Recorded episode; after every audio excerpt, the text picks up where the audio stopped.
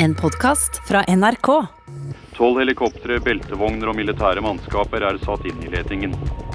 I Vassdalen pågår redningsaksjonen etter at et stort snøskred har tatt en tropp på vinterøvelse. Vi har hatt store kommunikasjonsproblemer, spesielt når det gjelder å komme i kontakt med vår egen skadelsesleder. Da sendes tre sambandssoldater ut på et livsfarlig oppdrag. Så innfinner du deg faktisk med, i hvert fall gjorde jeg det, at jeg, nå, skal jeg, nå er det sjanse for at jeg kommer til å dø.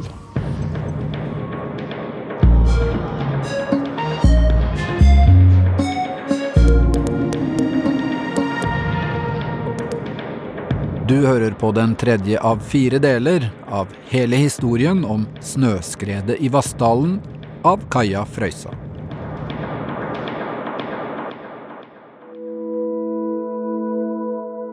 Jeg er villig til å ofre livet mitt. Like før den store Nato-øvelsen starter i Indre Troms, øver sambandsgruppa i Bardufoss seg på at det kan skje dramatiske ting. Og det er kald krig. Eh, Det er alvor. 18 år gamle Are Frode Hoff Lyngmo er yngst på sambandslaget. Det var jo utenlandske eh, agenter, rett og slett, som drev med etterretning. De er vernepliktige, og under opptrappingen til den store Nato-øvelsen Anchor Express er det deres jobb å følge med på om det er fremmede makter som spionerer. Eh, russiske spioner i porten tok bilder, og russerne vet jo sikkert alt om oss. Vi hører dem også på sambandet av og til. Nei, jeg kan ikke russisk, så jeg skal ikke si at det var det, men eh, østeuropeisk. Og så ble vi jamma, som det heter. Eh, da sendte noen ut radiostøy som forstyrra sambandet vårt, sånn at vi ikke kunne operere som vi mm, Det var meninga, da. Det er onsdag 5. mars 1986, og de vet ikke at det snart skal bli alvor. Da er det liksom å sitte og vente på at al- alarmen skal gå. Denne ettermiddagen er det uvanlig mye trafikk på sambandet. Vi sitter jo bare her og hører på sambandet og, og skjønner at det er noe greier. For at plutselig blir det veldig mye styr på radioen. De får vite at noe alvorlig har skjedd. Og så kom ganske kjapt den meldinga til oss da, som lag om at vi måtte kjøre til leiren, altså hovedleiren. De pakker sammen like fort som de har øvd på mange ganger. Vi kommer frem til leiren og kjører inn porten, og da er det skumring. Jeg kjenner at natta kommer. Det er kaldt. Veldig, veldig kaldt. Dårlig radiokommunikasjon inne i Vassdalen gjør det vanskelig for både politi og Forsvaret å organisere letingen etter de savnede soldatene. Eh, Har dere hatt noen kommunikasjonsproblemer eh, mellom skadestedet og, og redningssentralen? Ja, vi har hatt store kommunikasjonsproblemer, med å, spesielt når det gjelder å komme i kontakt med vår egen skadestedsleder. Det skyldes vel til dels de topografiske forhold i rasområdet, og dels at det er for kort rekkevidde på det radioutstyret vi har. Eh, Vi får noe som heter fallvinder, og de kan være veldig sterke. Steinar Bakkehøy er en av Forsvarets to skredeksperter under Nato-øvelsen. Så kom det jo inn masse helikoptre, men det var dårlig samband med helikoptrene og eh, flyplassen der, så ett av helikoptrene ble hengende over området for å være eh, en slags reléstasjon for eh, radiosambandet.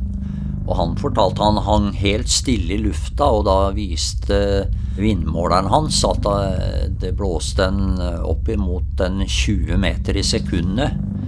Og det er jo en nær storm. Redningsledelsen skjønner at de trenger hjelp med samband, og at Forsvaret må sette ut sambandssoldater. Eh, Jeg får beskjed om at jeg skal inn til hovedleiren for å utføre et oppdrag i forbindelse med et ras som har gått, et snøras som har gått og tatt noen soldater. Jeg reagerte ikke på det da.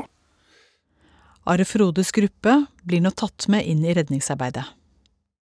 Jeg syns det hørtes helt riktig ut at jeg skulle opp på det fjellet og, og hjelpe dem med samband.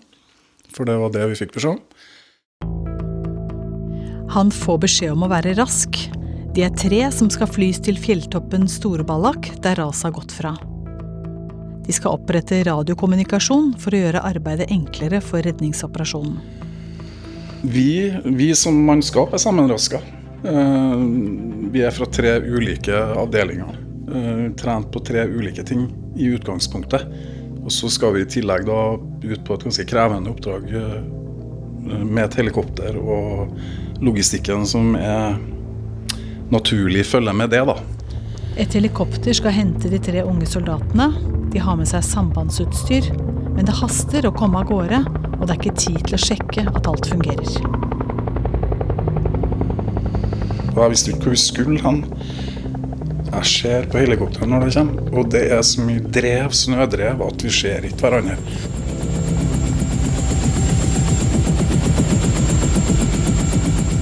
Og da er han kanskje tre meter over meg. sant? Før avreise fra Bardufoss får Are Frode en dårlig følelse. Følelsen i kroppen, og alt var bare helt feil. Jeg hadde egentlig lyst til å Jeg skjønner ringe mamma.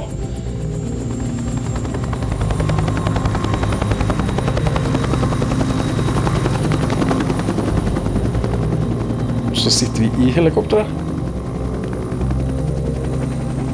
Etter noen minutter i lufta skal helikopteret prøve å lande. Vi skal lande på det fjellet som vi skal på, som raset gikk fra. Men det er sånn kast, vindkast at de får ikke til å lande, og de prøver to ganger. Da jeg satt inni i helikopteret der og ønska at det ikke skulle gå. For nå vil jeg hjem. Dette her er ikke noe bra.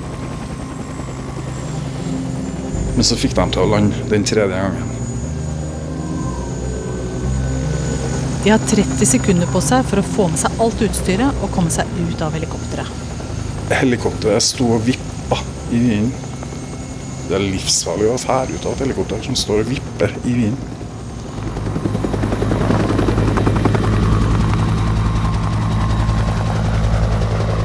Sekunder etter er helikopteret i luften igjen.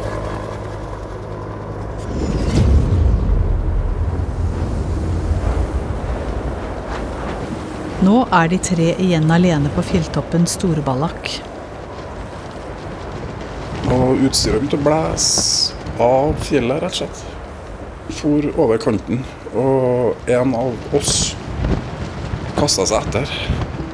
En av kameratene løper mot stupet for å prøve å berge utstyret som fyker av gårde i vinden. Det er jo et dropp på mange hundre meter rett ned. Så jeg bare tar tak i han, for han var jo på vei utfor oss. Rett og slett panikk. De har varme klær på seg, men tredjemann har ikke med seg sovepose fordi han etter planen skulle blitt med helikopteret ned igjen. Det har vært eh, helt opp i 20 kuldegrader og eh, vindstyrke opp i eh, 20-30 sekundmeter, noe som altså gir oss da en reell kulde på opp i 40-50 grader. Nå er jeg i kjempetrøbbel. De prøver å sette sammen sambandsutstyret i uværet, for de må få gitt beskjed om at de må bli hentet ned igjen med en gang. Vi må kalle opp hovedkvarteret og si at her kan ikke vi være. Det vi gjør da, at vi setter opp ei lita antenne, en sånn pisk som det kalles, to-tre meter høy, som er nok til å få samband med én radio med leiren. Og jeg sto og holdt i den pisken, for det måtte vi to mann på. For det blåste sånn. Og jeg rakk ikke å ta på meg votten på venstrehånda. Jeg sto kanskje i tre minutter eller noe sånt. Med, og jeg har forfrysningsskader i handa. Eh, men vi får kontakt med leiren, og så sier vi at eh, mayday, liksom. For at vi måtte hentes. Troppsledelsen nede i dalen er bekymret for de tre der oppe. Eh, Det vi fikk beskjed om, var å utføre oppdraget. Grave oss ned. Men de har ingen mulighet for å hente dem ned før det blir bedre vær. Så får vi beskjed om at det er flyforbud Like før klokka ni på kvelden blir all helikoptertransport innstilt pga. været.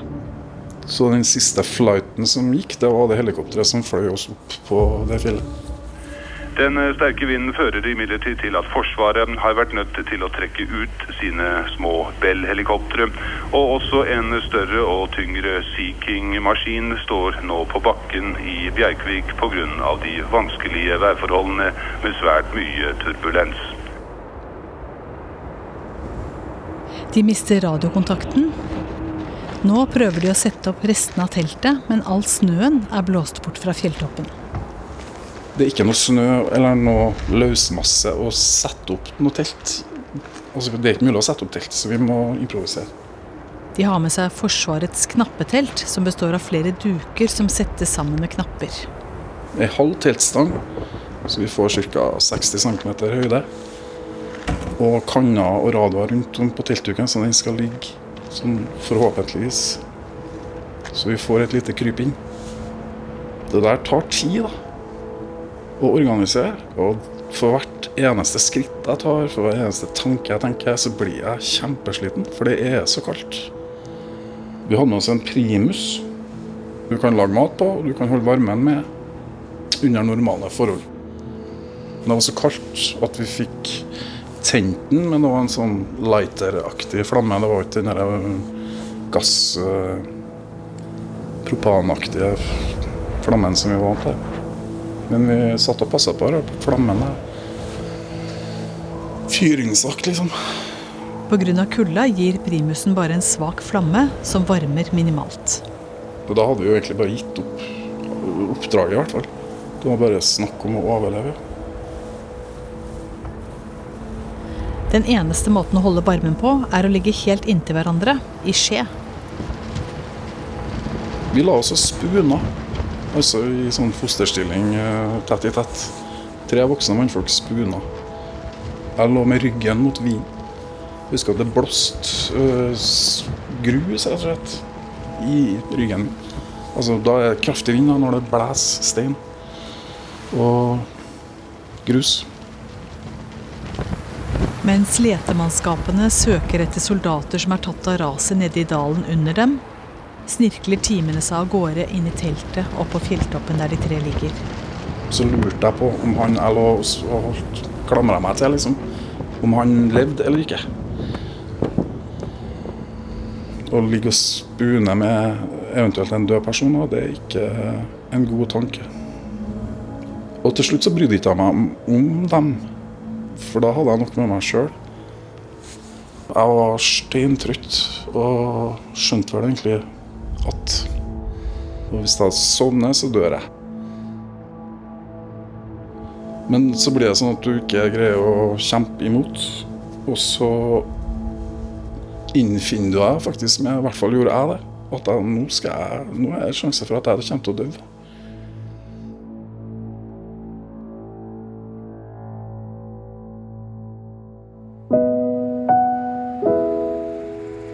På sykehusene i Narvik, Harstad og Tromsø kommer det nå inn døde, skadde og nedkjølte soldater etter raset inn i Vassdalen. Roar Hugnes håper at i hvert fall én av de ni han var med å finne under leteaksjonen, er i live. Jeg tror, jeg håper, at jeg berga livet på en. For det i hvert fall var det en som ga lyd ifra seg, som vi fant. Det er jo mitt håp oppi det hele at vi i hvert fall har berga én person.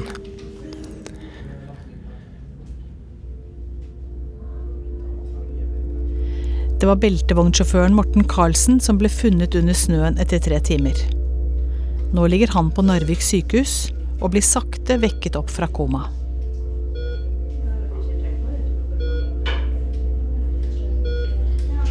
Jeg var jo veldig sterkt nedkjørt når jeg kom inn på sykehuset. Og jeg var jo nedkjølt da enda de timene etterpå. Men de varma jo på meg, og jeg var innpakka i varmeflasker og eh, håndklær eh, døppa i varmvann som var putta i plastposer som slett ikke var tette. Så, så, det, det, så jeg var jo blaut overalt, og alt hadde de, av klær hadde de jo klippa av meg. Så det var, det var jo en spesiell, eh, spesiell opplevelse å våkne opp der tilkobla ledninger og slanger eh, over hele kroppen omtrent. Men det var jo fullt av sykepleiere, leger, pleiepersonell eh, rundt meg som fortalte meg hvor jeg var, hva som hadde skjedd.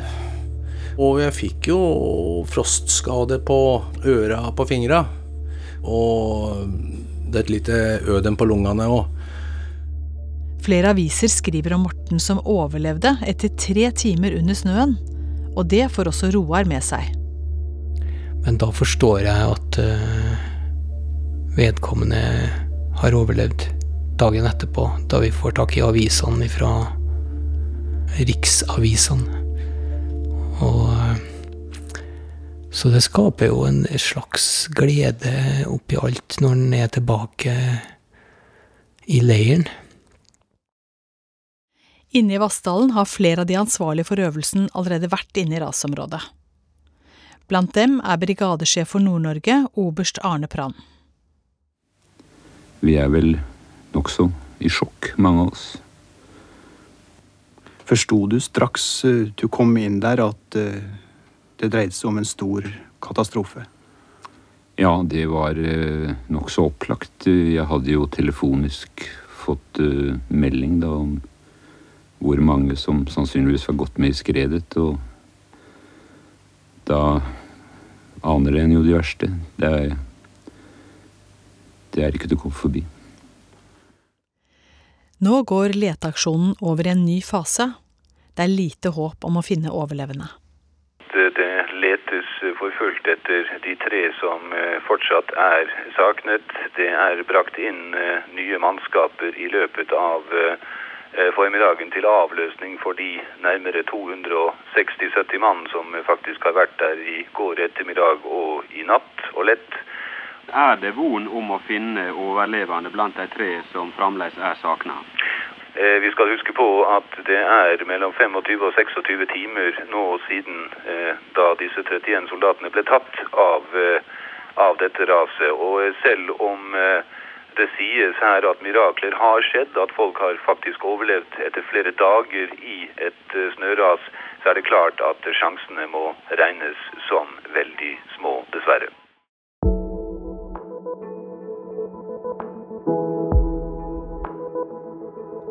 I Vikersund venter Astrid Fossen på å få vite hva som har skjedd med sønnen Christian. Hun har ikke hørt noen ting siden raset gikk onsdag formiddag. Det går torsdag. Det går fredag. En av de tre som fortsatt er savnet i raset, blir funnet på fredag. Men de leter videre etter Christian. Det ble ei vanskelig tid de dagene. For pressa var utrolig pågående.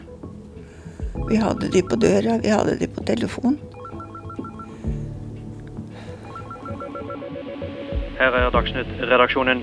De to siste soldatene som ble tatt av snøras i Vassdalen, er funnet omkomne. Leteaksjonen avblåst seint i ettermiddag. Tre dager etter raset blir Christian Fossen funnet under to meter snø.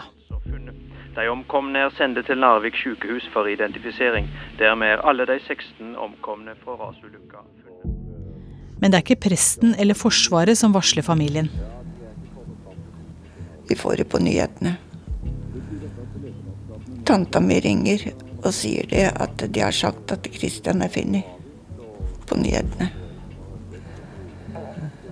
Og Kristian er nest sist som blir funnet på lørdagen.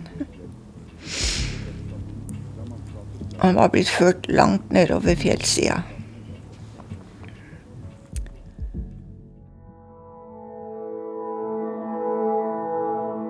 Stormen har gitt seg, og på toppen av Storeballak har det nå blitt helt vindstille. Så nå kan redningsledelsen sende et helikopter opp dit. Det lander rett utenfor teltet til de tre sambandssoldatene. Det blir lyst da, inni teltet. Eller det blir lyst inni hodet mitt. Nå har jeg kommet til himmelen, eller noe. Sambandsgruppa nede i dalen har vært bekymret for sine tre medsoldater, som ble satt av der oppe 18 timer tidligere. Det er helt stille inne i teltet når helikopteret lander. Og i åpningen den her lysåpningen, det er åpningen til teltet, eh, så står det da en skikkelse som kunne vært menneskelignende, men har altfor stort hode. Altfor stort og rundt hode til det.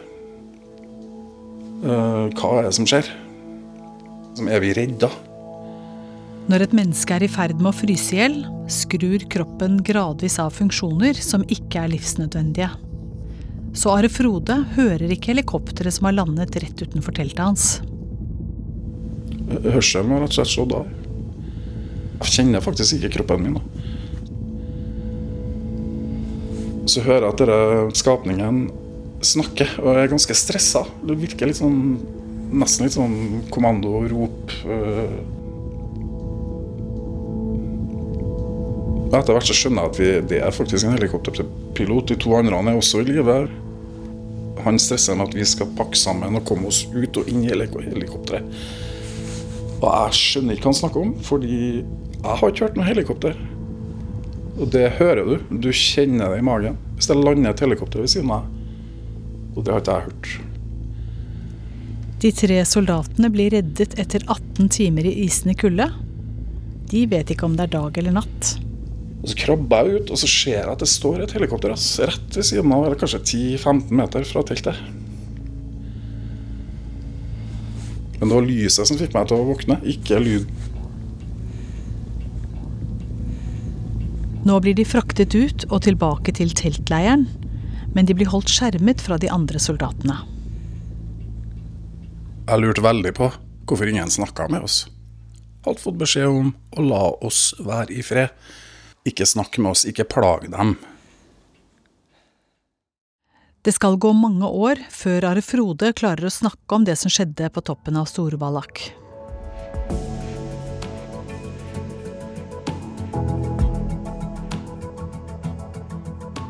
Det er 16 unge gutter som mister livet i raset i Vassdalen. Astrid Fossen og de andre pårørende blir invitert til Bardufoss for at de skal få se sine. For det er jo noe som heter at eh, det er lurt å se den som er død. For å virkelig skjønne at han er død. Så Forsvaret gjorde det som var riktig da. De tok oss med nordover. Vi, vi snakker ikke så mye sammen, vi andre som har mista. Vi er vel mest i vår egen verden. Astrid og mannen har med seg datteren Eva når de kommer til kapellet i Målselv på kvelden. Vi skal få se guttene. Vi kommer inn i kapellet. Hver familie skal få en privat stund ved sin kiste. Så de åpner døra inn til kirkerommet. Og der står det 16 kister, og én er åpen. Så vi går bort og får se Christian. Så sier Eva Christian, du får alltid for liten seng. Han var jo 1,95. Så vi får stå der så lenge vi vil. Og det er nok lenger enn Forsvaret har beregna, for det sitter en organist der og spiller. Og istedenfor noe de trodde ville ta et par timer, så tok det vel en seks-sju.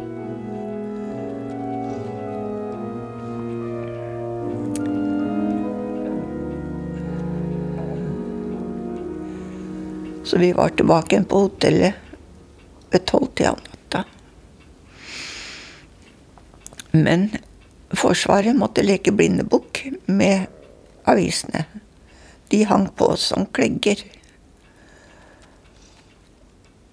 Så det er noe av det at vi var så offentlige, som blei en påkjenning. Vanligvis når du mister noen, så behøver du ikke å holde maska så veldig.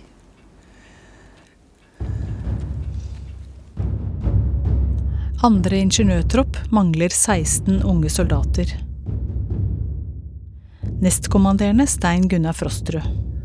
Eh, Det var ikke lenger snakk om noe militær tjeneste på oss, men vi skulle være i tjeneste. De som er igjen, må likevel stille opp hver morgen og melde av oppover. Og da var det jo hvert lag som meldte fra via lagfører til eh, nestkommanderende, og nestkommanderende som melder av til troppssjefen. I min tropp så var det ikke så mange befal igjen. To av laglederne er døde, og troppssjefen og sersjant Eivind Håvin er begge skadet. Jeg var i ordentlig opposisjon. Og, spesielt da til min kompaniledelse. Eh, og vi fikk ordre om at eh, vi skulle opptre som eh, soldater. Normalt så sier man Tropp to stiller 36 mann. To mann syke. 38 alle. Den meldinga lød litt annerledes. Tropp to stiller antall mann. Så og så mange døde, så og så mange på sykehus. Og det ble helt stille på oppstillingsplassen. Eh, og vi fikk kun et takk.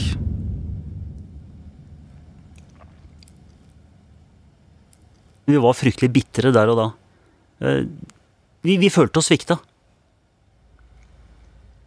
16 år gamle Else Marie Marsgard mistet storebroren sin, Arne Mikael, i ulykken. Han Arne Pran tok ansvaret første kveld. Men allerede på minnemarkeringa så hadde mine foreldre De var helt sikre på at eh, det var ikke hele historien. Familien slår seg ikke til ro med at den øverste lederen for brigaden i Nord-Norge tar på seg hele ansvaret alene, og at de andre lederne dermed går fri. De syns ikke det ga dem noe svar på hva som faktisk hadde skjedd, og hvorfor han Arne faktisk var død.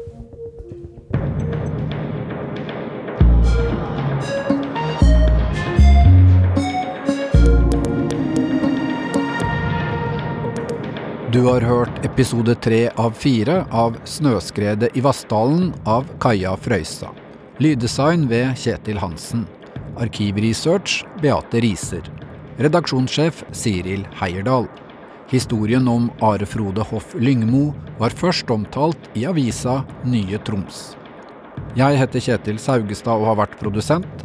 Sender du oss en e-post på hele historien krøllalfa nrk.no, så får du svar. Du har hørt en podkast fra NRK.